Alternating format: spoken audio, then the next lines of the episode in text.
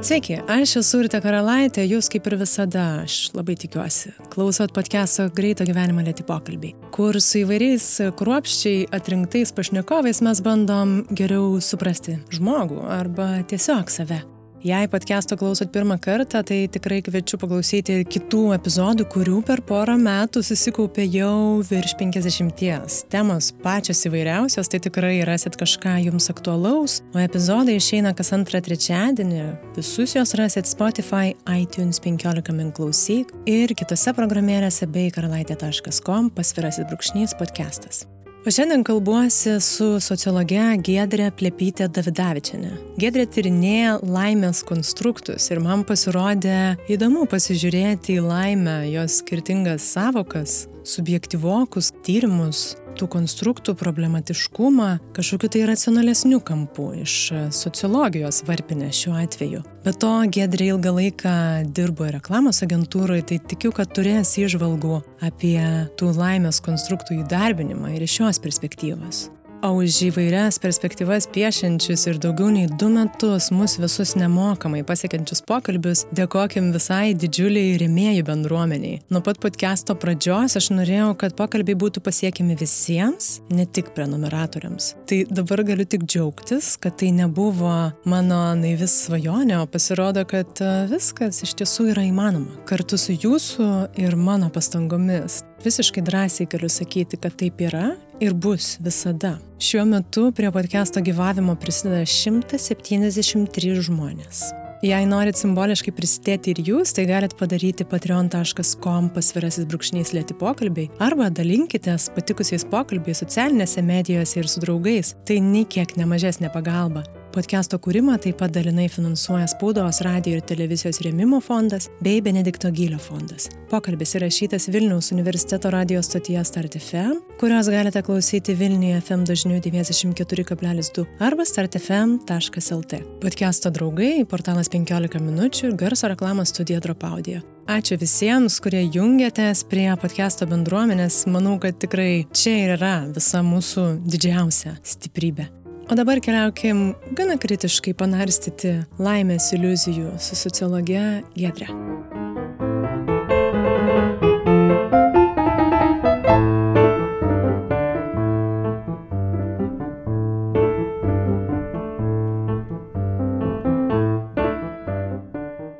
Tai man gal pačiai pradžiai, kadangi aš užsikabinau už jūsų dėl tos jūsų tyrimo temos, Tai ir norisi tada ir paklausti, kaip jūs pati prie to priejo. Tai būtent e, ne tai, kad jūs laimę tyrinėjat, bet labiau gal ir laimės tyrimus.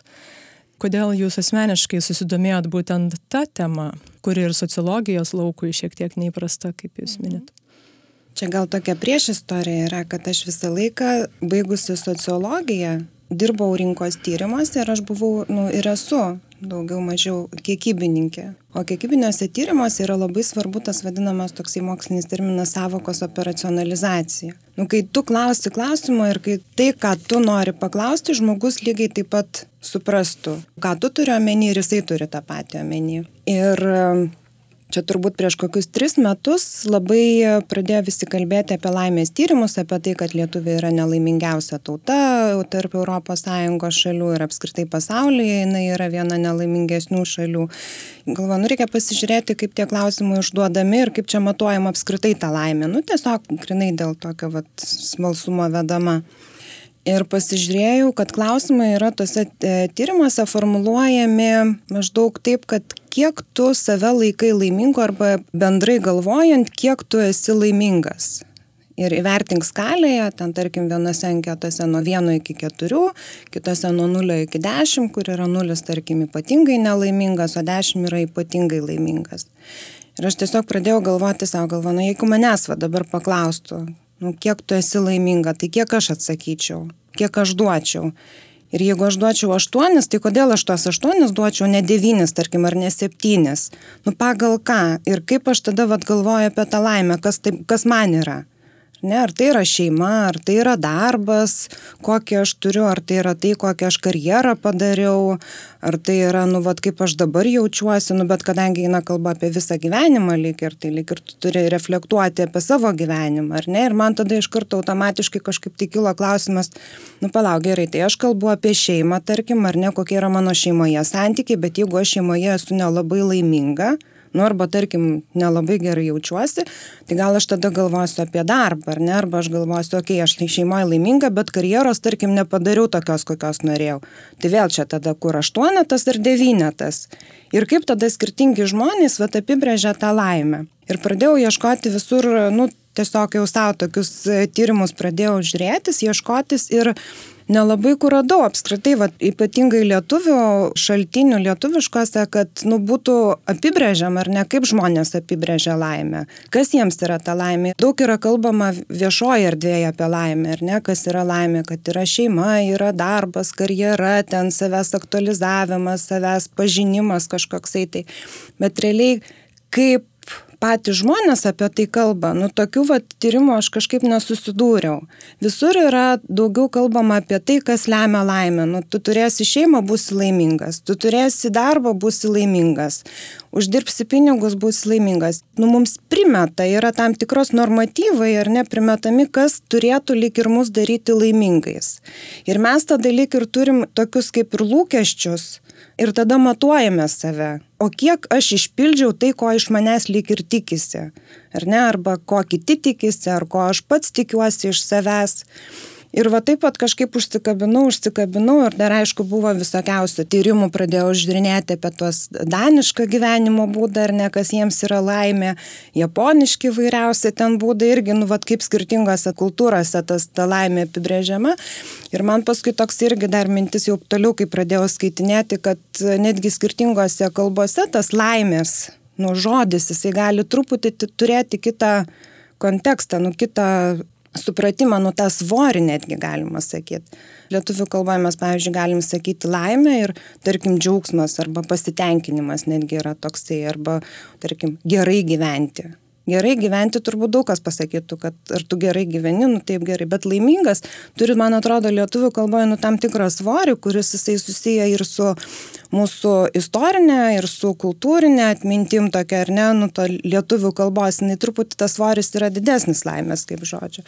Tai vad nuo šito viskas ir prasidėjo man ir paskui, kai pradėjau daugiau tada domėtis, tai atėjau prie emocijų sociologijos kas iš vis yra Lietuvoje, nu, apie tai iš vis niekas nekalba, bent jau aš niekur nemačiau, kad kalbėtų.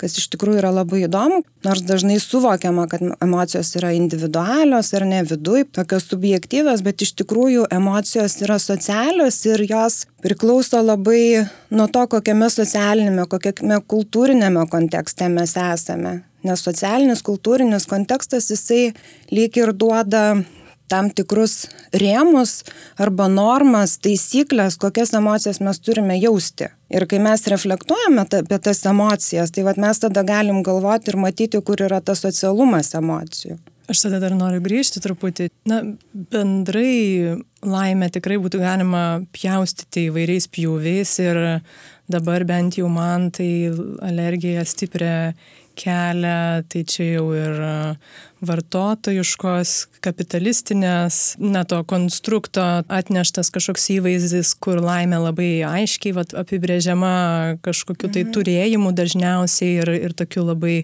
gražiu piešiniu.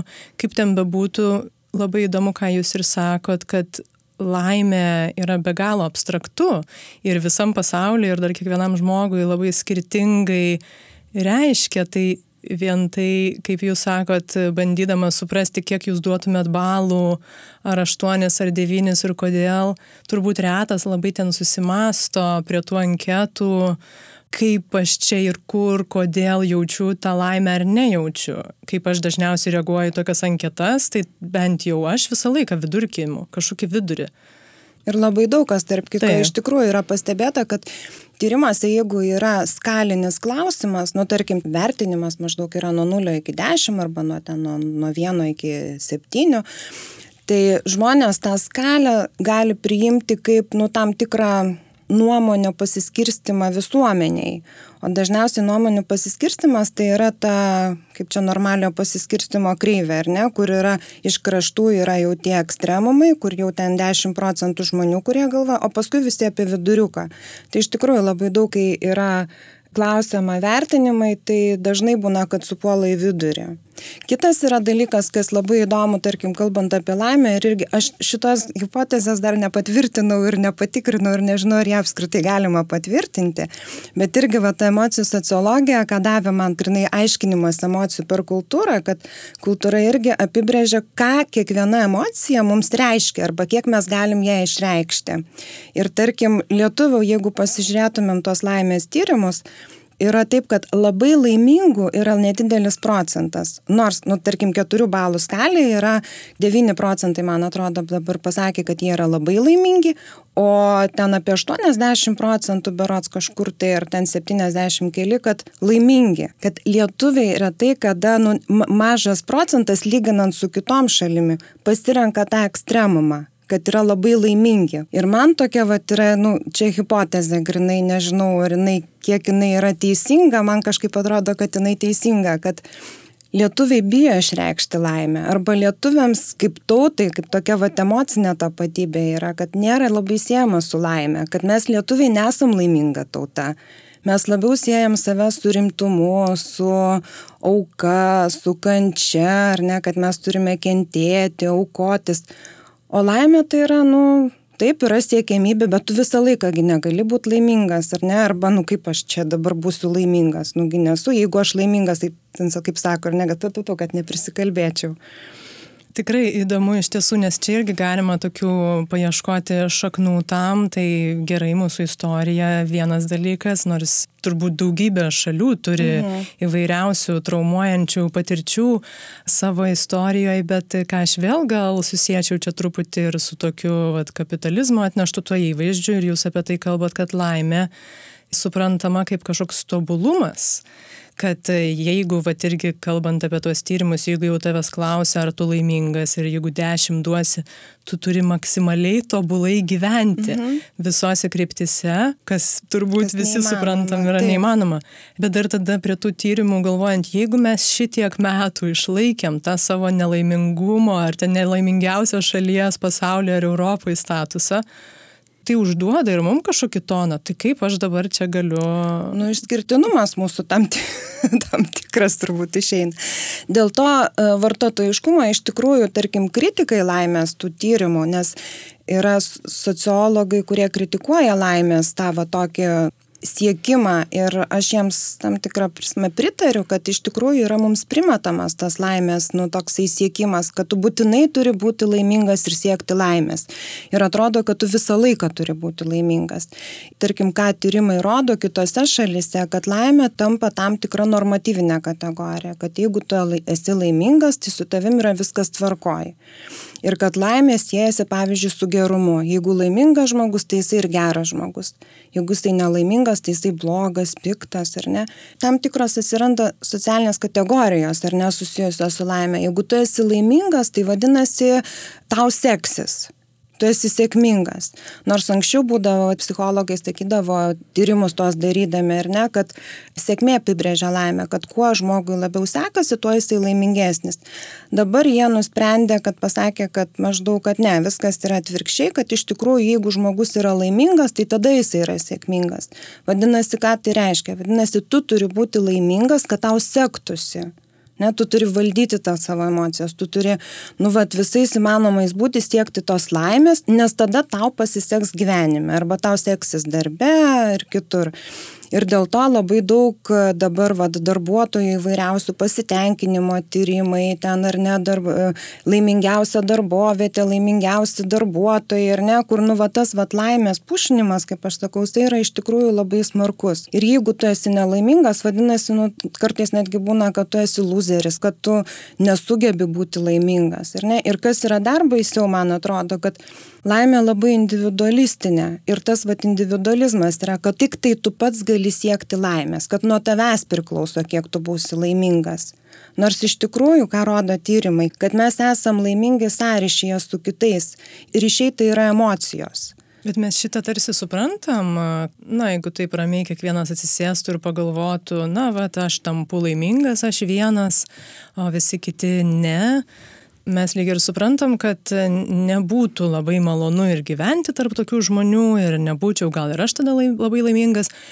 Bet kaip jūs ir sakot, kad vis tiek kažkaip pasiduodam tai inercijai, nes vėlgi gal tas skatinimas visą laiką yra į individą orientuotas, rūpinkime savimi, puoselikim save, nežinau, skirkim laiko savo ir taip mhm. toliau, taip toliau yra labai patogus tas toksai individualistinis iš tikrųjų, nes tai yra ir vartotojiškos visuomenės, ir šio laikinio pasaulio tas toksai individualistinis požiūris, ar ne, kad kiekvienas individas atsakingas už save ir dar plus yra tas tapatybės, ar ne, kad mes, nu, kiekvienas mes esam reflektuojam savęs ir galim kurti savo tapatybę, ar ne, va dar čia ir su tapatybė yra susiję, tai yra, kad tu kiekvieną kartą turi galvoti, ir reflektuoti ar neperformuoti tai, kas tu esi. Ir dažniausiai tu galvoji apie save, nors aišku, santykis su kitais yra labai svarbus. Bet čia gal yra problema tame, kad iš tikrųjų, net ne problema, bet tas akcentavimas to tokio individualizmo, ar ne, jisai gal vartotojiškai visuomenė yra lengvesnis, nes vis tik tai tada žmogus yra vartotojas, ar ne, ir, nu, kaip ir tu vartoji, ir koks tau skirtumas, ką kiti ten galvoja, svarbu, kad tu būtum, ar ne, ir tu rūpinėsi savimi, nu tas toks egoistinis požiūris truputėlį į save. Laimė čia šia prasme, kai kas netgi ir sako, kad individualistinį diskursą pakeičia laimės diskursas. Nes kiekvienas nori būti laimingas. Ne? Ir laimė yra iš tikrųjų individualus suvokimas, ar ne, nužiūri visą laiką yra, kiek, kiek tu pats esi laimingas. Bet tas diskursas, kad tu pats tik tai gali padaryti save laimingu, Ne, va šitas yra iš tikrųjų truputį prasilenkimas, man atrodo, todėl kad tu tik tai santykė su kitais gali būti laimingas arba yra tas, kad tu turi būti, tarkim, nepasiduoti, tarkim, socialiniam spaudimui ar net ten tam e, kitų kritikai, socialiniai aplinkai, ar ne, bet kita vertus, nu, mes nuo mažens esam tam tikroj socialinėj aplinkoj, nu tu nesi vakume, kad tu galėtum sakyti, taip, aš esu laimingas ir aš dabar vaikštau užsimerkęs kaip po stiklu ir man visiškai kiti neįdomus, ar ne? Tu supranti save irgi per santykius su kitais. Kiek tu atitinki kitus, ar ne? Kaip tu matai kitų akimis šitą simbolinę sąveikas, ar ne, teorijos. Tu savo tapatybę patvirtini per kitus irgi, su kitais tu gali sakyti, kad taip aš esu ok, ar ne, bet jeigu kiti tau visą laiką varys, kad maždaug tu čia esi prastas, tu čia esi blogas, tau čia maždaug ką tu čia darai, nu tai arba žmogus išvažiuos kitur, kur jam bus geriau tarp kitų žmonių turbūt, arba, nu aš nežinau, ką jis. Arba patikės tuo. Čia irgi. Arba įdomu. patikės, kad jisai blogas yra, ar ne, tai tada jisai bus nelaimingas.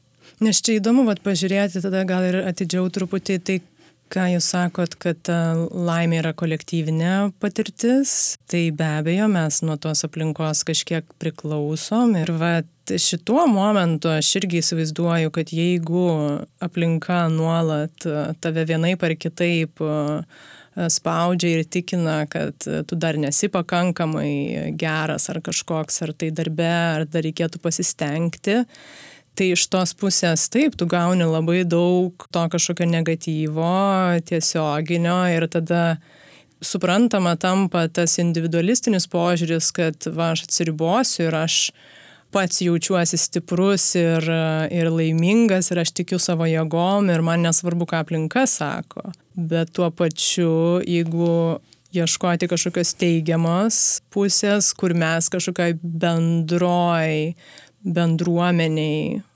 jaučiamės laimingi, kai ir kiti laimingi. Va tas santykis įdomus, kad mhm. tai, tai labai priklauso nuo aplinkos, bet priklauso ir ką mes atnešam į aplinką. Taip. Yra tas abipusiškumas. Nes pavyzdžiui, irgi yra ten tyrimuose, kad žmonės yra laimingi šeimose, ar ne, nu, va, jeigu šeima turi, arba jeigu turi ten draugus gerus, tai artimus draugus, tai jie yra laimingesni. Kodėl jie yra laimingesni? Nes jie turbūt pripažinimą gauna, ar ne? Tai yra, nu, draugai yra sako, kad tu gali būti toks, koks esi su draugais, tau nereikia ten kažko tai slėpti ar ne, kažkaip tai kitaip elgtis. Man labai patiko, tarp kitko, mintis apie laimę, kuris jie su toks filosofas Axel Honet. Jisai apie pripažinimą kalba, kad iš tikrųjų žmonėms yra labai svarbus pripažinimas. Tai yra tai, kiek mus kiti pripažįsta ir nebūtinai save, mano, nu, savęs, kad aš save pripažįstu kaip po žmogų, ar ne, bet vis tik tai tas, kad tu esi pripažįstamas, kad tu gali gyventi šitoje visuomeniai toks, koks tu esi, ar ne, arba apskritai, nu, kad tu turi teisę egzistuoti, tarkim, ir kad tu gauni tą pripažinimą.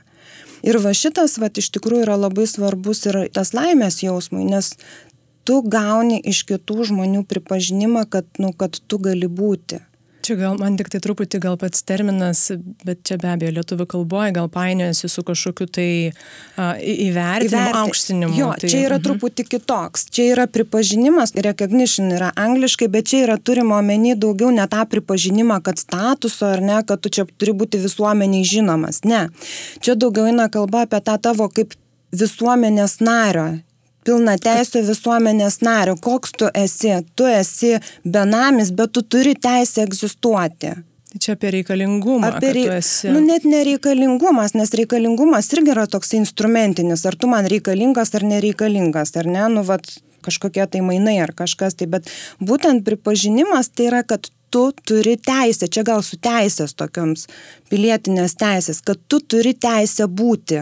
Mes priimam tave į savo gentį, taip, nes čia iš taip, to bendruomenės, nes mes visi norim būti taip. būryje. Ir nesvarbu, koks tu esi tada, nes pas mus yra tas, man atrodo, kur yra nu, dažnai tas tokios normos, ar ne, nu, vat, ir su ta pačia laimė yra tas dalykas, kad kiek tu turi atitikti tam tikrus lūkesčius savo arba kitų. Nu čia kaip, nu, iš savo patirties, ar ne, ir prie tos laimės irgi tų tyrimų, kai pradėjau juos analizuoti, irgi atrodo sėdi ir galvoju, nu, okei, okay, nu šeimą turiu darbą turiu, nu karjerą, gal velnės karjera galėjo būti geresnė ar kažkaip tai, bet, nu lik ir viską turiu, bet nu kažko tai trūksta, kad lik ir nelaiminga, gal hobio reikia, vat kažkokio, tai kiti ten turi, vat, nežinau, ten po kalnus vaikšto, arba ten kaituoja, arba, nu man kažkaip nelabai, čia tai laiminga ir nelaiminga, nu gal, gal reikia to hobio paieškoti. Nes mes tos laimės vaizdų turim labai daug visur mums medija, visas socialiniuose tinkluose, pasižiūrėk, nu, kiek nuotraukų įvairiausių, kur yra laimingi žmonės. Šeimos su vaikais ten prie glutės kokios arba su dovanom didžiausiam. Ten vieni kalnuose vaikšto ir e, fotografuojasi, trenti ten kaituoja, kiti ten su šuniukais vaikšto. Žodžiu, visur pas mus yra laimingi žmonės ir mes nežinom, kas iš tikrųjų jų gyvenime ten vyksta. Bet tai, ką jie transliuoja, mes matom ir automatiškai mes lyginamės. Taip, tai čia tas vienas momentas tikrai su socialinė medijom tai yra labai e, pavojingas, nes iš tiesų, vat, e, ką ir jūs sakot, gal pilnai užtenka tų dalykų, kurie mūsų supa ir, ir šeima ir kažkokie tai darbinės veiklos, bet vien tai, kad kažkas vat, dažniau išvažiuoja į kalnus, Taip. galbūt jau mus truputį mažiau laimingais daro. Įdomu iš tiesų, kiek vat, aš pati iš tiesų noriu į tos kalnus važiuoti ir kiek mane vat, kažkas truputį verčia, o mhm. nuvažiavus į kalnus gal aš nesijausiu tiek laiminga, kiek atrodo vat, jie tose nuotraukose. Bet dar kitas yra svarbus dalykas, ne tik tai, kiek aš noriu, bet kitas dar yra labai svarbus dalykas, kiek aš galiu aš gal labai noriu važiuoti, keliauti, bet aš sąlygų neturiu. Mano sąlygos skirtingos negu kad kito žmogaus. Jisai, pavyzdžiui, turi gerą darbo atlyginimą, galbūt vaikų neturi ar ne, kuriais turi rūpintis. Jisai gali sauliaisti, tarkim, metus laiko, pusę metų arba, pavyzdžiui, freelanceriai ar ne, kas dabar, va, tarkim, COVID laikų buvo, kad važiuoja online dirbti sodybose, prie jūros ar nelabai faina jeigu tu gali ir tai yra laimė vienam gali būt. Bet pavyzdžiui aš irgi norėčiau ir aš būčiau turbūt labai laiminga jeigu aš galėčiau. Pas mane yra vaikai yra darbas įsipareigojimai. Aš neturiu sodybos aš neturiu galbūt tiek pinigų kad galėčiau išvažiuoti. Čia yra didesnė problema ir sociologinė problema jau atsiranda kad iš tikrųjų mes turim tam tikrus laimės normatyvus kurie lyg ir prilyginami arba sakomi kad visi turi to siekti arba visi gali gi tą pasiekti Bet iš tikrųjų, ar tikrai visi? Nu, mes neturim visi vienodų galimybių. Mes neturim visi tiek pat pinigų, mes neturim visi tokių pačių namų, ar ne? Ir vėlgi, kur yra problema, kad, tarkim, visuomeniai mūsų sakoma, kad bet tugi gali pasiekti. Tu gali pasiekti, bet ar tikrai gali, ar tikrai kiekvienas gali, nes galų gale netgi startas gali būti skirtingas, ar ne, nuo ko tu pradedi tas vat laimės dalykas, tai turime omeny, kad nusekmės dalykas. Ir nebūna, kad tu būni toje vietoje tuo, tuo metu ir, nu, vat pasiseka, ar ne, kad kažkur tai susidėlioja tam tikros aplinkybės ir tau pasiseka pasiekti daugiau, tarkim, negu kad kitam. Ar ne, bet lyg ir uždedama tam tikrą kartelę, kad jeigu tik tai tu nori, tai va tu pasieksi. Ir va šitas va dalykas, kad nu, ne, negalvojant, kad tikrai ne, ne visi galim pasiekti tokių dalykų. Čia įdomu net taip gal naiviai pažiūrėti, ar Žemėje užtektų resursų mum visiems turėti vat lygiai po tą patį. Bet šitą momentą aš iškart pagalvojau, klausydama ir jūsų pranešimo, kad va tas formuojamas toksai laimės įvaizdis ir tas va sunorminimas, kad privaloma būti visiems laimingiem. Mhm didina atskirti tam tikrą prasme, kad žmonės, kurie akivaizdžiai e, sunkiau gyvena ir, ir na, mes tarkim kažkaip bandome ar ne ir gal truputį pasistengę išvažiuosim į tuos kalnus, mhm. bet yra tikrai šeimų ir žmonių, kurie, kurie tikrai niekada neišvažiuos. Taip. Jiem iš karto užkertamas bet koks kelias į laimę, nes viskas nu tu nelaimingas. Bet tu ir nebūsi niekada. Taip, nes tu negali to padaryti. Nes, nes tai yra negali... vieninteliai reikalavimai taip, tai laimiai. Taip. Ir kitas yra dalykas, dar vad ką aš pastebėjau, kai kur sako, tu pasieksi tikrą laimę. Lik yra tikra laimė ir netikra laimė. To, kas yra netikra laimė. Jeigu aš sėdžiu prie teliko, žiūriu serialą kokį, tai čia yra netikra laimė. Nu, bet jeigu man yra gerai, tai, nu, tai kodėl ne? Vėlgi yra ta, tam tikra stratifikacija, tam tikra gradacija. Kas yra tikra laimė? Jeigu tu sieki karjeros, jeigu tu dabar važinėjai kažkur, tai susitikinėjai, turi hobį, aktyviai gyveni ar ne, arba ten mokymus kažkokius, tai ten eini, ieškai savęs ar ne, tai va tada tu sieki tos tikros kažkokios laimės. Bet jeigu to nedarai, tai maždaug tavo laimė tokia yra, nu, apie nieką. Čia iš tyrimų, čia Britanijoje buvo padaryti va tie interviu su žmonėmis, kur iš tikrųjų pasimatė, kad yra toksai, kad tikra laimė ir netikra laimė. Kategorizavimas. Čia dar grįžtant prie vartojimo, aš irgi pagalvojau, kad e, kapitalizmas konstruoja ten tą vat, tikros ar kažkokios tai laimės tašką, į kurį mes čia visi bandom bėgti, nesvarbu ar tu nusipirkęs kažką, ar, ar pasistatęs ten kažkokį tai būstą įsigijęs, bet ten atėję mes galim nepasijusti laimingi ir tada toliau eisim tuo pačiu ratu, kurį mhm. vėlgi tas vartojimas yra užsukęs, kad na, dar pabandyti gal šitą, gal jau ten tam taške bus, kas yra dėkinga, ko ir reikia Taip. iš esmės ne tik verslui, bet visam šitam mechanizmui. Kaip jūs e, tam tikrą va, šitą manipulaciją matot? Na, mes visi vienaip ar kitaip esam ten įsipainioję. Mhm. Tai čia va kritikai irgi laimės to tokio va siekiamybės ar ne, tai ir pastebi iš tikrųjų. Ir Baumanas sakė, kad tik tai vartotojiška visuomenė žada laimę čia ir dabar visiems. Nu, ko anksčiau niekas nesiekė ir laimė buvo daugiau tokia kaip ir utopija ne, nu, ne, nepasiekėmybė. Čia kaip aš visą laiką juokiuosi, sakau, pasakosgi baigėsi, kad jie ilgai ir laimingai gyveno, nu, bet niekas neaiškina, kas yra ta laimė ir ne kaip jie ten laimingai gyveno. Tu jau pats čia daraisi savo kažkokius tai ar ne suvokimus, kas yra ta laimė ir kaip jie ten labai gerai gyveno. Bet jo, iš tikrųjų yra tas pastebima, kad e, toksai yra nuolatinis nepasotinimo jausmas, kad tu pasieki kažko ir tada tau dar uždedama kadangi šiuolaikinėj visuomenėj visą laiką mes kalbam apie savęs tobulinimą, apie savęs aktualizavimą, kad tu turi visą laiką būti, nu, pasiruošę šitoje rinkoje. Pas mus dabar yra visų rinkos, ar ne? Yra santykių rinka, yra darbo rinka, yra nežinau, vartojimo rinka ir tu visur turi atitikti tam tikrus standartus arba tam tikrus normatyvus ir visur tau moko, kad vat, ką reikia daryti, kad tu toj rinkoje dar vis būtum. Ne, tai yra tam tikras irgi nu, suprekinimas, sudaiktinimas žmonių. Mes netgi kalbam apie brandus, ar ne, asmo kaip brandas, ten marketingė. Ir viskas atrodo yra tvarkoji kad maždaug, nu jo, žmogus save pardavinėja. Personalo kompanijos pasakoja, ką tau reikia daryti, kaip tau reikia save parduoti. Nu tiesiog taip ir šneka, ar ne, kad tau reikia save parduoti.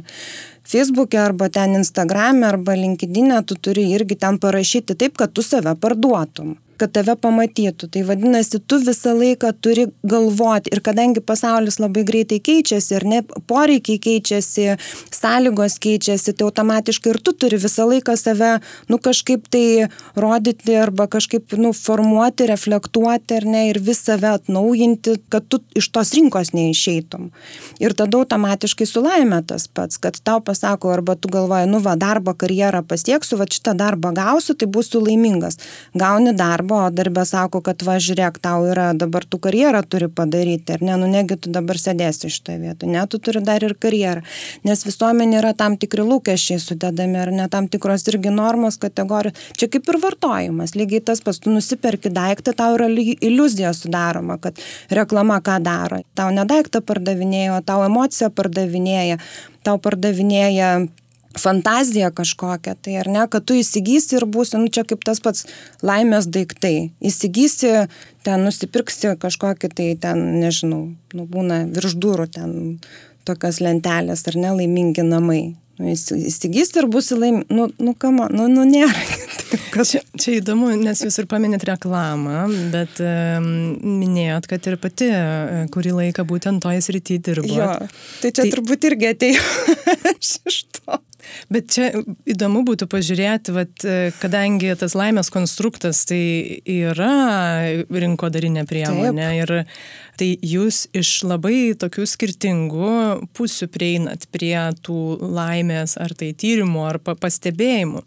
Tai vat įdomu, kaip darbo reklamos rytyje patirtis jums kažkaip formavo tą laimės įvaizdį ar įveiklinimą, ta, ta prasme, kai jūs iš vidaus truputį to vartojimo pamatėt? Reklamos agentūroje aš dirbau jau žiniasklaidos planavimo, kur planuoja reklamą, bet aš ilgą laiką dirbau rinkos tyrimuose.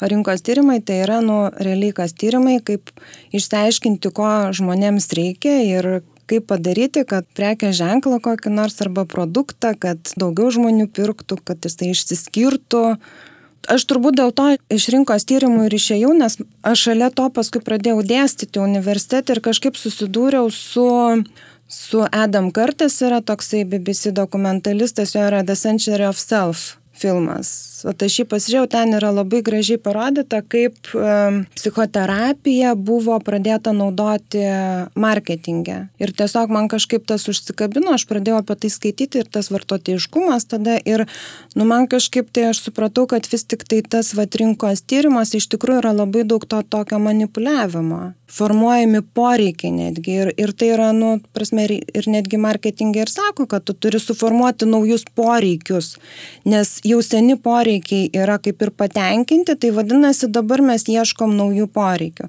Nu, kad ir apie tos pačius maisto produktus mes galim pasižiūrėti, ar ne, ten atsiranda rinkos ir tada visi puola į tas rinkas tos poreikius patenkinti. Ten buvo vegetarizmas, veganizmas dabar, ar ne, ir visi žiūrėkit, nu, visi absoliučiai turi ten veganiškus produktus, ar ne. Aš nieko nenoriu pasakyti prieš arba labai kritiškai ten taip, ar ne, kad sakyt, kad reklamos nereikia arba kad reklama yra blogai, bet tam tikrą prasme vis tiek reklama tai yra manipuliavimas mūsų jausmais irgi. Nes reklamos yra labai daugelis paremtos emocijomis, ten labai daug yra vaizdų, kurie parodo mums nu tam tikrą iliuziją, pardavinė iliuziją, nu, kad tu nusipirksi šokoladą ir būsi laimingesnis, nu nebūsi laimingesnis. Emocinį kažkokį tai patenkinimą. Man man paskui tiesiog vat rinkos tyrimuose dirbant kažkaip man toksai, nu, su savo vidiniam vertybėm kažkaip aš jau taip supratau, kad man jau nebelabai, nes, nu, tas pardavinėjimas arba bandymas ten sakyti, kad šitas šokoladas yra geresnis negu šitas, nu, nežinau, kiek iš tikrųjų jis tai yra geresnis, ten vienas ar kitas, bet toksai istorijos pasakojimas, kad, kad žmonės vieną arba kitą dalyką pirktų. Norėjau tik tai paantrint, kad na, mums iš tiesų nieko nereikia. Praktiškai nu, nei vieno iš tų produktų. Nu, okay, nu, gal mums reikia, nu, negali sakyti, kad visiškai mums nieko nereikia, ar ne, mes galim be to išgyventi, nu, ten be kažko tai, bet tik tai tiek, kad antiek yra visko labai daug, ar ne, ir to pasirinkimo yra labai daug. Tada tu pasimeti tame pasirinkime Tai be abejo, reklama ateina tam, kad kuo, kuo ryškesnė pamatysi Taip. tą kramtomą gumą ir, ir norėsi tos. Tai čia labiausiai vaikai parodo, bet, bet mes toli irgi nenutolstam nuo, nuo to, kaip mūsų užkabina ir puolam bėgti paskui. Čia gal dar truputį norisi paliesti tą tapatybę laimingą, kuriai keliami aiškus kažkokie poreikiai ir žmogus bando ją formuoti toldamas galbūt nuo savo iš tiesų poreikių. Turiu omeny, kad kažkokie tai yra primesti, ką tu turėtum turėti ir atlikti, kad būtum laimingas, bet tu nepasižiūrėjai dar į save galbūt, ko tu pats norėtum ir gal ten tavo va, tikroji laimė. Čia prie tų sunoriminimų laimės, kad labai aiškiai yra apibriešta, kas yra ta laimė ir, ir tu sukiesi tam rate. Man atrodo, problema yra galbūt ta, kad apskritai ta laimė savoka kaip tokia, jinai patapo apskritai marketinginė. Laimė kaip pati emocija, jinai viskas su ja viskas yra tvarkoji. Nu, kad visi žmonės nori būti laimingi ir kiekvienas nori kažkaip tai ieško savo laimės, ar ne, kad ar aš dabar esu laimingas, ar aš būsiu laimingas, kai ten kažką tai padarysiu, nu tas reflektavimas apie laimę jisai yra. Bet tai, kad laimė tampa tam tikro, nu, vat, marketingo priemonė. Čia, man atrodo, yra truputį problema, nes dabar visur yra tas laimės pardavinėjimas toksai. Kasara Ahmetinai aiškino, kad yra laimės objektai tam tikri, kurie mums diskursyviai yra primetami, kas mums suteikia tą laimę. Ir čia gali būti nebūtinai daiktai, bet gali būti ir santykiai tam tikri, gyvenimo būdas tam tikras, kad mums tai yra primetama ne, ir pakišama po to, kad va, jeigu tu tą turėsi, tai tu būsi, tarkim, turėsi vaikus, būsi laimingas, o tie vaikai kiek daug visokiausių rūpeščių duoda. Tai. Nesakote. Bet ne. čia, vat ką, ką irgi sakot, yra sąlygos tai laimiai. Taip. Žodžiu, jeigu. Taip o gal aš dabar iš tiesų labai neblogai gyvenu, bet va tas primetimas mhm. yra iškart su jeigu, tai nesvarbu, ar ten jeigu santykiai kažkokie tvarūs, jeigu šeima, jeigu kažkokie produktai, sportai. Čia bendrai, man atrodo, yra toks, na, nepažiūrėjimas į dabartinę savo situaciją ir nuolatinis bėgimas kažkur mhm. į priekį, kad va ten bus gerai dar įdomi mintis man pasirodė jūsų apie tapatybės formavimą kad anksčiau jinai nebuvo labai kvestionuojama, mhm. o dabar yra nuolat reflektuojama ir prieš tai kalbėjom, kad kažkaip bandoma ją nuolat formuoti ir jeigu dar norint spėti su rinka ir poreikiais, tai, tai mhm. tai labai daug darbo reikia įdėti. Čia kokį iškart svorį žmogui ir užduoti tam tikrą atneša, na, tas skirtumas, kad anksčiau mums buvo aišku, kas mes tokie, kodėl mes čia, o dabar labai daug klausimų staiga kyla. Prisimenu, kažkada tai vat, su, su studentais mes kalbėjom ir aš tokį užduodavau jiems užduotį. Sakydavau, vat, įsivaizduokit laiko mašiną ir pagalvokite, kur jūs norėtumėte į kokią vietą ir į kokį laikotarpį nu, nukeliauti prisimenu vienam kurse mes ten kalbėjom ir man pasakė, sako, nu, va, įdomu būtų ten į hipių laikus, ten 60-70 metai Amerika. Sakau, o kas ten tokio yra, nu, va, ko čia nėra. Nu, sako, ten labai daug laisvės tokios. Aš taip klausausi, Sakau, apie kokią laisvę jūs ten kalbat? Sakau, jūs dabar kiek laisvės turit? Sakau, laisvę keliauti, laisvę eiti, laisvę daryti, laisvę būti, kuo tu nori. Sako, nu bet jo, bet sako, atrodo, jiems vad niekas nerūpėjo, jie neturėjo kažkokių įsipareigojimų.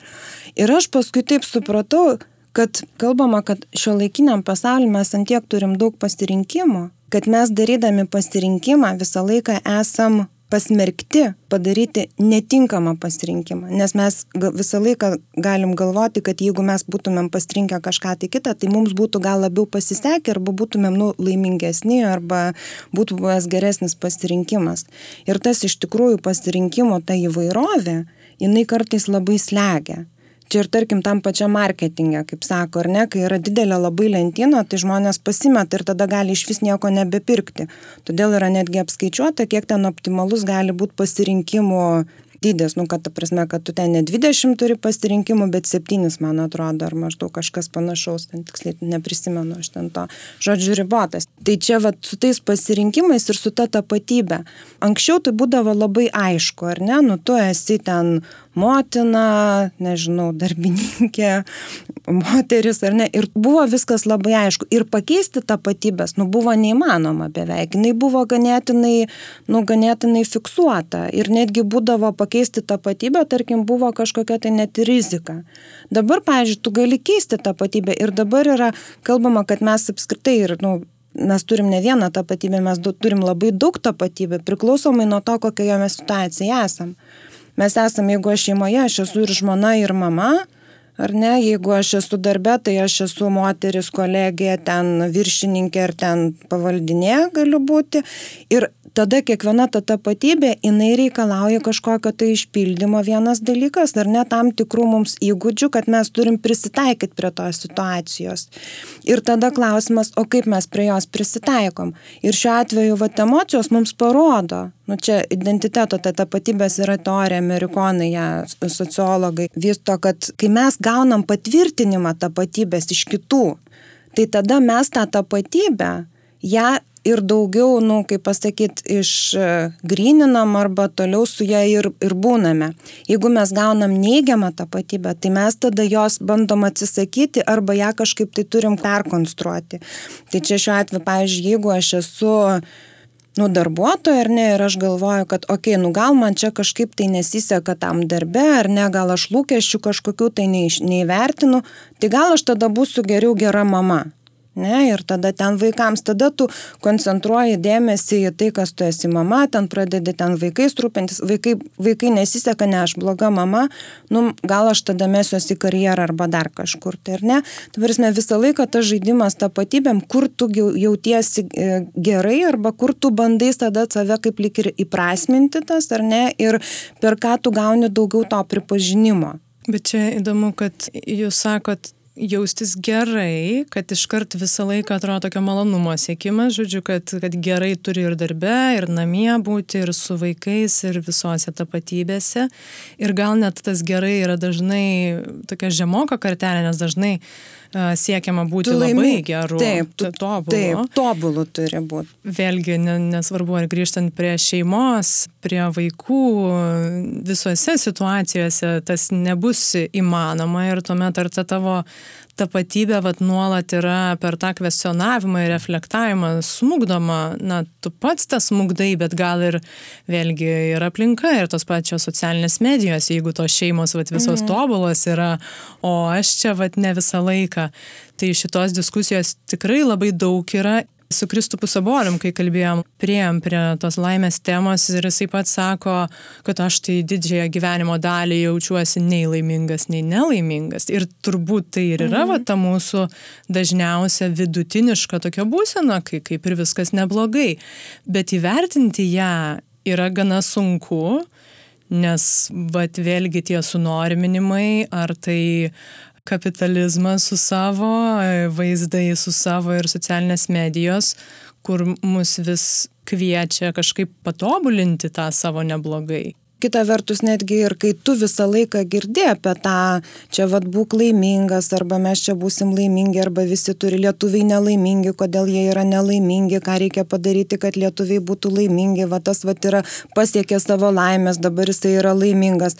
Nu nori, nenori, tu vis tiek lygini save, arba paskui reflektuoja apie save, ar ne? Ir va čia va irgi tada atsiranda tas toksai jau sociologinis aspektas, kad tu gali galvot, palauk, bet tai, nu, va, jisai turi tą, tą, tą, tą arba aš turiu tą.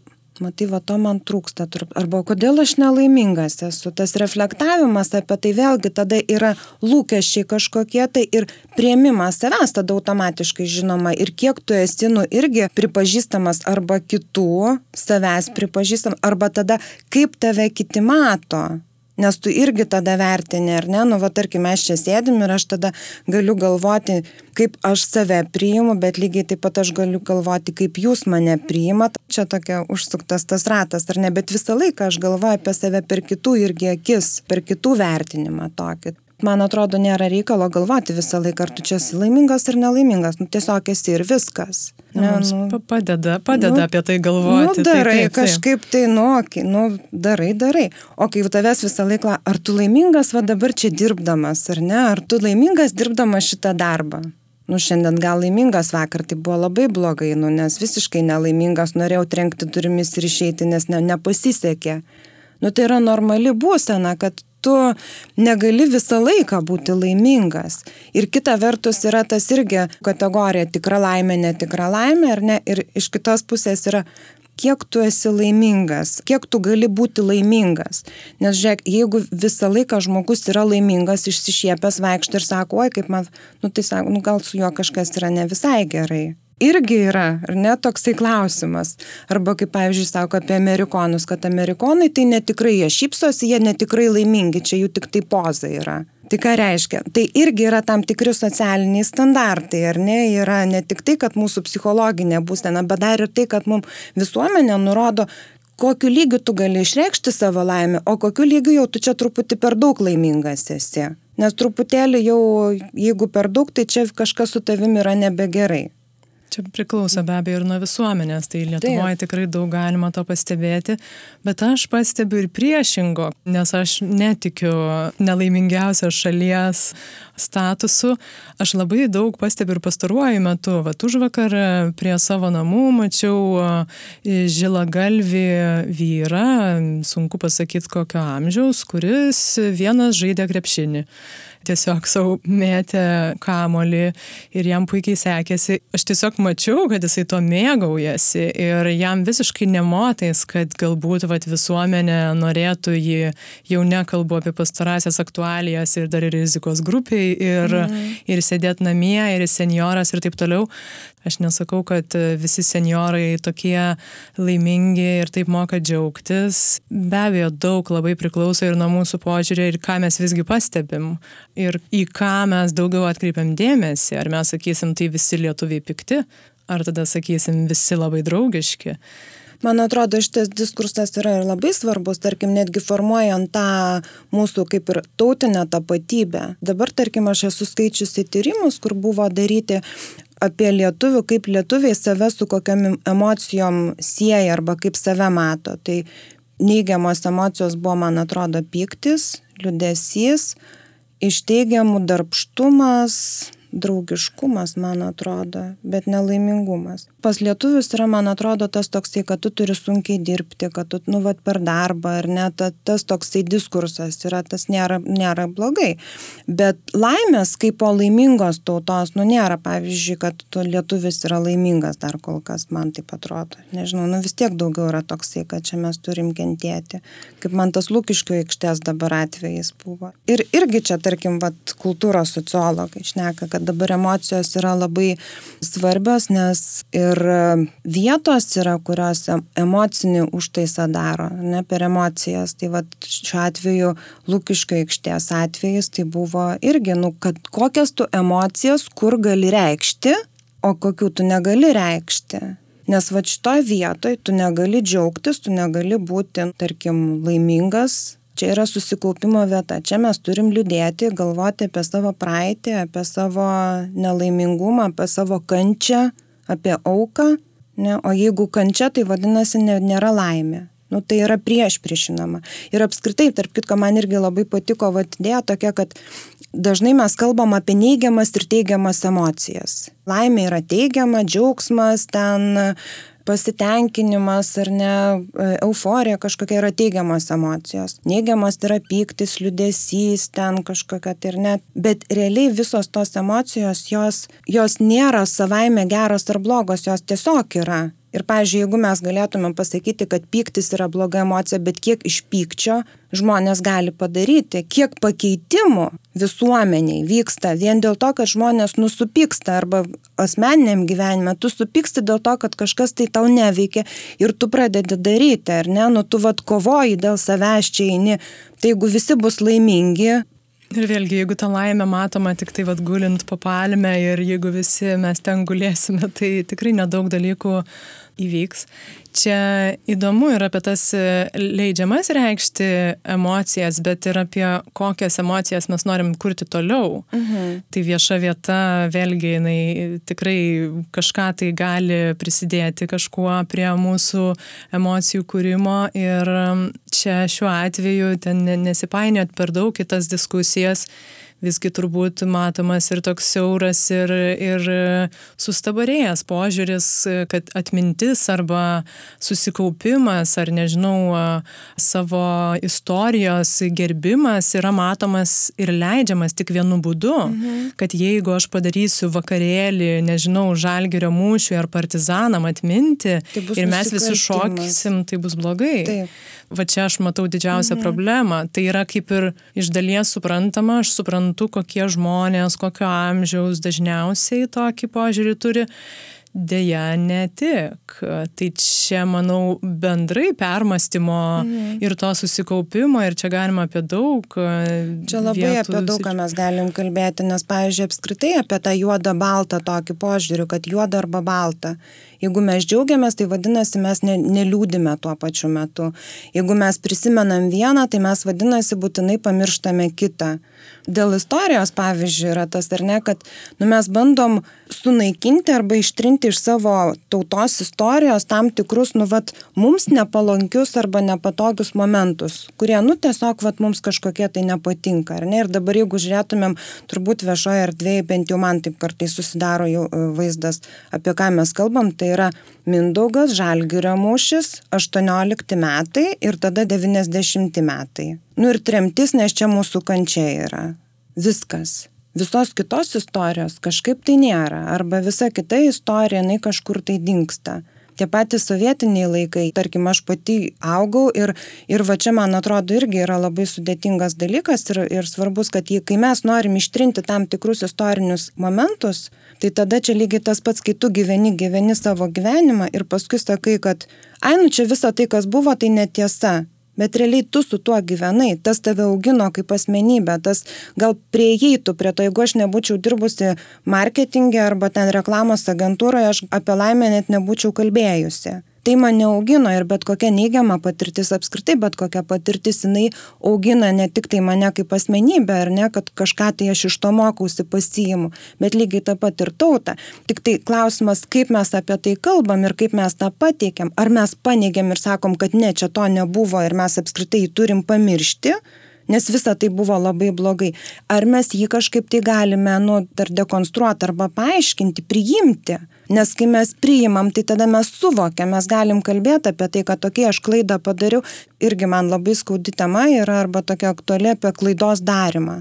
Nes mes visi labai puikiai išnekam, kad klaidas daryti yra normalu, kad visi daro klaidas, kad iš klaidų mes mokomės.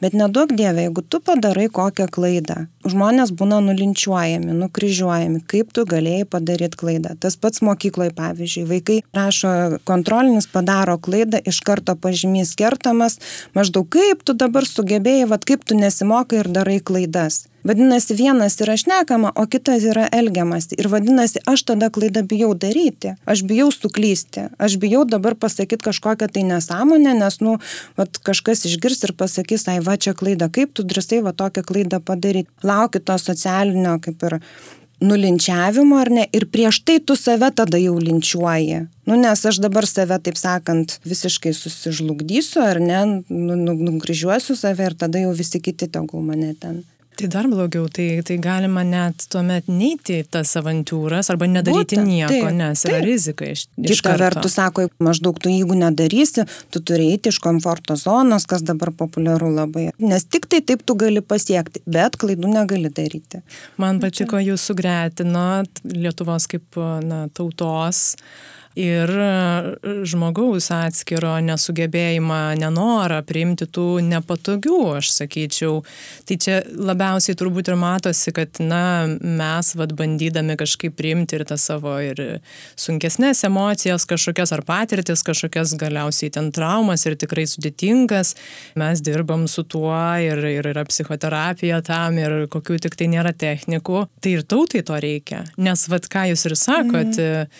be abejo, ne tik pas mus turbūt to yra, bet to net neneigimo iš viso užsičiaupimo ir ištrinimo tų mm. istorijos, ar tai klaidų, ar tai kažkokių tai negatyvių, sunkių patirčių, tai čia tikrai, manau, labai geras sugretinimas ir tą Lietuvoje tikrai tą galima žiūrėti nėra vienareikšmio turbūt įvertinimo dažniausiai, nes vėlgi nėra juoda ir balta. Mhm tos diskusijos iš vienos pusės ir kad tie vat, vis kyla kažkokie skandaliukai, aš gal net matyčiau, kad tai tarsi ir neblogai, ta prasme, kad mes pradedam juos judinti, bet tada norėtųsi apie tai kalbėti ir diskutuoti, o ne tik purvais iš vienos stovyklos ant kitos drapstyti, kad jūs neteisūs, ne jūs mhm. neteisūs. Tai čia nėra diskusija.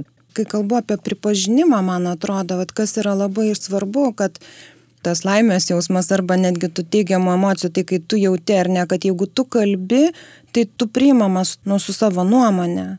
Tu gali ginčytis, tu gali turėti savo nuomonę, kitas gali turėti savo nuomonę, bet mes abu du kalbamės ir mes prieinam kažkokią tai bendrą susitarimą arba bent jau mes išsakom.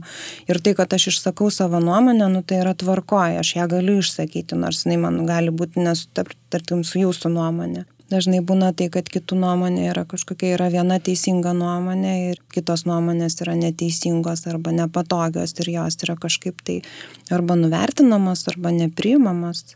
Čia įdomiai mes nukrypom. Taip, bet viskas susiję, nes tada irgi klausimas, jeigu mes vis dar liksim tam sustabarėjusiam taške ir vis dar nenorėsim pasižiūrėti tiek į savo istoriją, tai gal tuomet ir į save ir, ir kritiškiau pažiūrėti ir į savo tuos, nežinau, įsisukimus ir į vartojimo kažkokius, tai ir laimės siekimų, bendrai tas nepatogias temas, tai panašu, kad tų kažkokių tai malonių emocijų gal ir neatsiras labai tiek tautai, tiek Čia, man. man atrodo, irgi gal tas yra toksai noras pasirodyti kažkuo, tai kad tu geriau atrodintum, ar ne, kaip ir žmogus, nu, tu socialinėse medijose, tu parodai savo laimingas gyvenimo akimirkas arba tai, kas tau sekasi, o kas tau nesiseka.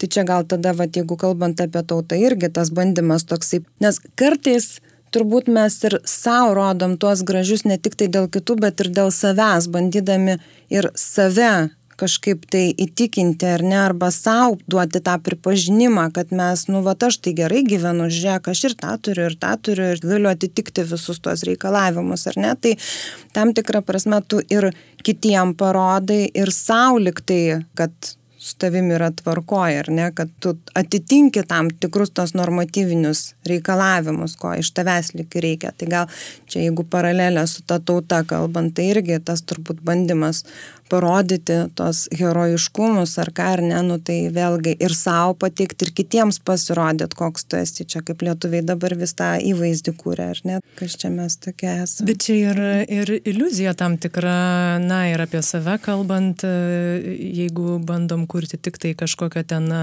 tobulą ir gražaus ir apie šalį. Ir čia visai geras pavyzdys irgi vieno iš pašnekovų mano fotografo Imanto Selenio buvo prieš nemažai jau metų, gal kokie penki, jisai The Guardian Instagram paskyroje gavo, na, jam suteikė galimybę pasidalinti savo nuotraukomis ir jisai fotografuoja sovietinius daugiabučius. Estetiškai, mhm. labai gražiai ir Tai mūsų medijose ten buvo kilęs skandalas, žodžiu, kad ir žmonės baisiai sukilo, kad Lietuva šitaip juodina ir, ir ją šitaip baisiai vaizduoja va čia man toksai labai aiškus pavyzdys to, ką mes bandom nuslėpti, kad daugybė žmonių ten gyvena. Tai yra tušu. Taip, taip, tai jūs norit neikti, kad aš ten gyvenu, bet nusifotografuoti prie, nežinau, prie ko čia dabar, prie kurių čia verslo centrų nusifotografuoti, kad štai mes visgi Europoje. Tai visgi tas įvaizdžio toks feikinimas, mm. kūrimas yra svarbesnis už savęs tikro, Taip. savo tikros šalies prieimimą. Bet čia va tada irgi yra, tada galima žiūrėti žmonių, kurie gyvena tose sovietiniuose būtose, tose kruščiovkėse kaip jiems jaustis, ar ne, kai jie, tarkim, mato vien tik tai aplinkui, čia tada ir tapatybės, kiek tu jautiesi tos, nu, vat, lietuvių grupės narys, ar ne, kiek tu esi priimamas joje ir kiek tu jautiesi savas. Nes jeigu tu visur matai gražius būtus, ten daugia būčiai nauji, ar ne, ten naujos statybos namai, ten dizainerių sukurti interjerai, o tu grįžti namo ir pas tave ta kruščiovkė, kur, taip sakant, tarybiniai baldai e, likę ir kaip man tada, aš tada niekam nerodysiu, nieko nekviesiu ir apskritai net nesakysiu, kad aš čia gyvenu, nes jeigu pasakysiu, tai tada nu, iš manęs ten ar pasijuoks, ar nepriims manęs. Prasme, kiek mes priimam tada. Lygiai tas pats čia aš gal būsiu labai nepopuliariu, kai pasakysiu, kai žmonės prisimena sovietinius laikus, ten sovietinę nostalgiją, ar ne, kad kaip buvo faina. Nu, aš irgi prisimenu, aš multikų žiūrėdavau ten napalauk arba ten kramtomą gumą ten valgė. Bet man tai yra vaikystės prisiminimas. Aš gyvenau tuo metu, man vaikystė, jaunystė praėjo. Ir man dabar pasakyti, kad visa tai buvo blogai, visa žmonės taip gyveno kažkada, tai jie prisitaikė prie tų sąlygų, kokios tuo metu buvo sąlygos.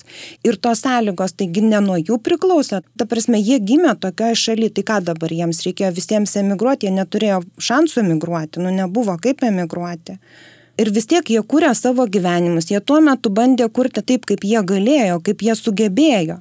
Ir dabar, kai visas tas dalykas yra nurašomas, kad maždaug ne, čia kas sovietų laikais buvo, tai čia yra buvo blogai, čia visi ten kolaborantai. Ir Tai kaip žmogui jaustis, kuris gyveno tuo metu, kuris netikėjo, taigi daug kas ten netikėjo, nieko aš prisimenu irgi vaikystėje mes ten trispalvens pieždavom ir tik tai žinodam, kad nu negalima piešti jų ten. Bet tu dar nesuvokdavai iki galo, kas ten yra, tai kiek tokių žmonių yra ir, ir dabar lik ir nurašoma jų visa jaunystė, kad tai kaip tu gyvenai buvo kažkas tai ne visai gal tinkamo arba negero tai realiai tavo tapatybė yra, nu tavo, tavo gyvenimo dalis yra ištrinama, o jaunystė, vaikystė tai yra vienas iš tų, kurie daugiausia emocijų sukelia ir tavo tapatybė formuojasi būtent tuo metu. Ir emociškai pats stipriausias yra laikotarpis, kurį tu geriausiai prisimeni. Ir jeigu tau dabar ištrinti visą tą laiką, prisiminti tik tai sąjūdžio laikus, tai o kaip aš atėjau tada iki to sąjūdžio, Bet čia irgi tam tikro ir kritinio mąstymo nenorėjimas pasitelkti, kad nepažiūrėti, kad ir į tą sovietmetį kritiškai ir atskirti, okei, okay, čia yra blogai, čia dizainas kažkoks buvo vat, labai mielas ir, ir dabar vat, vėl jisai grįžta ir gal nieko tokio labai blogo, nors jis ir buvo masinės mhm. gamybos, mhm. ne kažkoks ypatingas tai nurašyti viską yra paprasčiau, Taip. kaip vienam, žodžiu, blogiui kažkokiam. Tai čia lygiai tas pats ir, ir su istorija, ar su savo kažkokiam tai sunkiom emocijom. Čia toks paprastesnio gal ir pasirinkimo norėjimas, kad va, visos hruščiovkės yra blogai, mes dabar einam į Europą. Viską sunaikinam, sunaikinam, Taip. visko to nebuvo. Bet Černobilio filmas, man atrodo, truputį pakeitė Nes po Černobilio, žiūrėkit, Fabioniškės ekskursijos, sovietinių relikvijų vėl kažkoksai tai ten tų ir, man atrodo, interjero atsirado tas truputėlį Bet čia prasme tai yra absurdiška dėl to, kad, o tai ko reikia? Mums reikia, kad e, mums vėlgi vakarai patvirtintų, kad Taip. jiem patinka hruščiovkės. Jiem visada patiko, tiesą sakant. Tik tai gal per mažai žinojo apie tai ir be abejo, Černobilis ir, ir kiti kažkokie tai sklaidos dalykai padėjo, bet e, daugybė žmonių tai visada buvo egzotika taip, kaip mes e, taip. čia gyvenam visą laiką, o mum gėda. Ir, ir mes norim euroremontinių savo tų hruščiovkių, ar jeigu jau galim sauliaisti, tada jau visiškai naujų mm. tų būtų. Tai čia yra tiesiog savo tapatybės neigimas kažkoksai ir norėjimas. Aš manau, aš manau kad taip. Ir tada neprieimimas savęs ir savęs ir savo istorijos ir to, kas tu buvai kaip tu gyvenai, nu toks neprieimimas. Ir tada vėlgi, jeigu grįžtant prie tos pačios laimės, tai jeigu tu nejauti, kad tu esi priimamas su savo istorija kažkokia, tai, tai kaip tu gali gerai jaustis. Arba kaip tu gali būti laimingas, jeigu tu negali būti priimamas visuomeniai, tarkim, su, su tuo, kaip tu gyveni, arba su tuo, kas tu esi, arba kaip tu gyvenai, pavyzdžiui. Tai man atrodo, kad tada čia ir ta laimė yra tokia, nu, va. Čia ir prie žmogaus grįžtant, jeigu mes visi, ar vat, konkrečiau visos lygiuosimės į vieną konkrečią ikoną visom formom ir, ir vizualais, tai tuomet turbūt 99 procentai pasaulio moterų bus nurašytos kaip netinkamos arba visai kaip sieks va, to laimės mhm. taško, va ten, tai kas yra absoliuti iliuzija, man atrodo, kaip ir mūsų tautai, bandyti virsti kitą tautą mm. kažkokiam plastinės tai. operacijos lygiai taip pat priemonėm. Čia yra tie standartai uždedami, kad kas yra gerai, kas yra blogai, arba kas yra norma, o kas yra nenorma tarkim irgi čia su laimės tyrimais irgi kiek aš žiūrėjau, tai tarkim yra, kad posovietinės šalis yra visos nelaimingesnės negu kad tarkim tos, nu, jau vakarų šalių. Šalise žmonės jaučiasi laimingesni negu kad posovietinėse. Ir Ingelhartas jisai e, analizavo tos duomenis ir jau kaip ir sako, kad nu, turėtų lik ir tos posovietinės šalis būti laimingos, nes ekonominis išsivystimo lygis yra toksai ir kaip ir viskas pasiekta, kad jau būtų laiminga, bet vis tiek kažkodėl nelaiminga. Ir tada yra sakoma, kad tos šalis patyrė tam tikrą vertybinį lūžį. Nu, ir iš tikrųjų taip ir buvo, kad jeigu kapitalistinės šalis, vakarų šalis, jos nuosekliai keitėsi vertybės labai nuosekliai po truputį, ar ne, tai pas mus buvo taip, kad pas mus labai staigiai pasikeitė viskas, tas vertybinis lūžis labai staigus įvyko.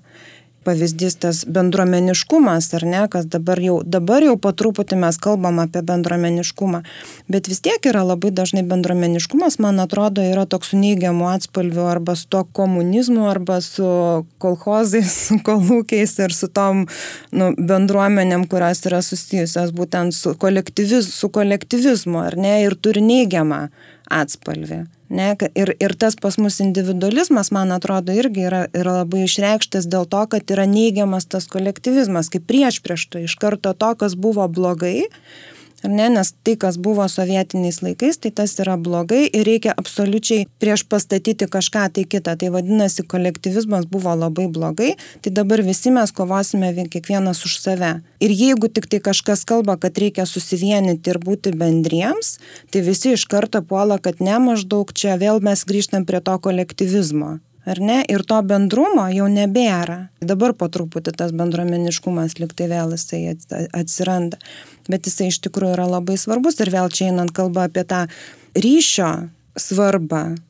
Ir, ne, ir laimę, ir, ir tą buvimą, ir emocijos, kurias tu patiri būdamas su kitais. Kalbant apie laimę, tarkim, kadangi yra kalbama dažniausiai individualiai, kad tu pats esi laimingas, tai tada galima klausti, o kiek tu gali siekti pat savo asmeninės laimės, negalvodamas apie kitus žmonės, kurie yra šalia tavęs. Ar tu turi siekti besąlyginės laimės, neatsižvelgdamas, kad tu kitiems gali nelaimę sukelti, kad tu gali kitus nuskriausti. Ir apie tai ne visą laiką kalbama. Nes žiūrėkit, sako, kad maždaug tu žiūrėk savęs. Kai kada žmonės ir sako, ar ne, arba šeimas palieka, arba skirybos, tai yra aš galvoju apie save, žiūriu, kas man yra geriau bet tu ne vienas gyveni vis tiek yra šalia. Ir tada kiek tu būdamas laimingas ar nesiekdamas to savo laimės, aš noriu keliauti, aš keliausiu ir vadinasi, aš pasieksiu laimę. Bet aš paliksiu gal savo vaikus namuose, ar ne? Tu vis tiek turi aukoti, nu tu turi matyti, kas aplink tave. Tai ta laimės, tas siekimas toksai irgi atsiranda, nu jisai santykyje vėlgi su kitais žmonėmis.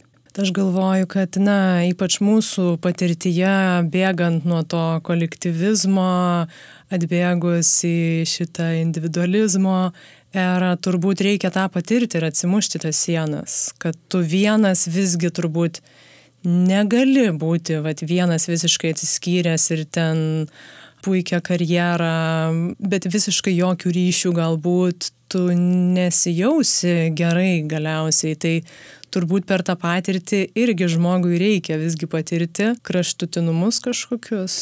Man atrodo yra svarbus tas dalykas, kad iš tikrųjų, jeigu mes kalbam apie laimę ar ne, tai mes turim turbūt suvokti, ką tyrimai irgi rodo, kad laimė tai nėra ilgalaikis, kad visą laiką euforijos būsena kažkokia tai turi būti įdomiai, tarp kitko, jaunesni žmonės reflektuodami arba kalbėdami apie laimę, jie kalba apie lūkesčius, ateities perspektyvas, nu vad kas man suteiktų laimę, aš būsiu laimingas.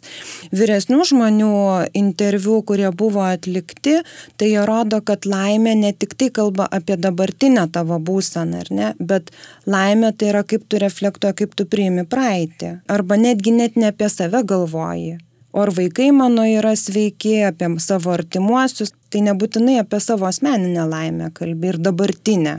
Ar ne, kad tu gali sakyti, kad va, žmonės dabar laimingi, tie, kurie turi ten šeimą, pinigų, karjerą, darbą ir panašiai. Bet tu gali galvoti apie tai, ką aš patyriau gyvenime ir kiek aš tada tų patyrimų turėjau, kaip tu bendrai įvertini ar ne.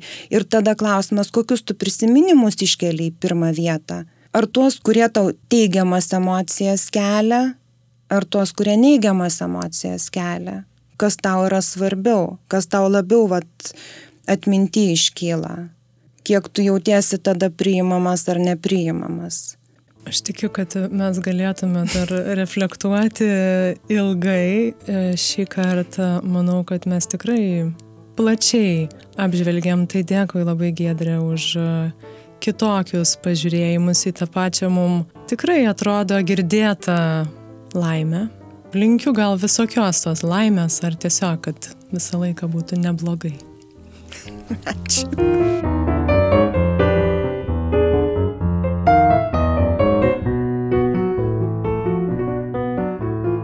Ačiū, kad klausėtės. Vien tai, kad mes kalbėjom šiek tiek ilgiau nei įprasta, reiškia, kad man tikrai nesinorėjo nei kiek to pokalbio stabdyti. Kažkaip jaučiau, kad mes su Gedrė susikalbėjom ir man buvo tikrai įdomu klausyti jos minčių ir netgi va tokių aktualių nukrypimų ir kitas temas, kurias irgi norėtųsi ir podcast'e pavystyti. Aš tikrai tikiuosi, kad ir jūs rasite čia naujų žvilgsnių ir į savo kažkokius įpročius ir santyki galbūt su ta pačia laime.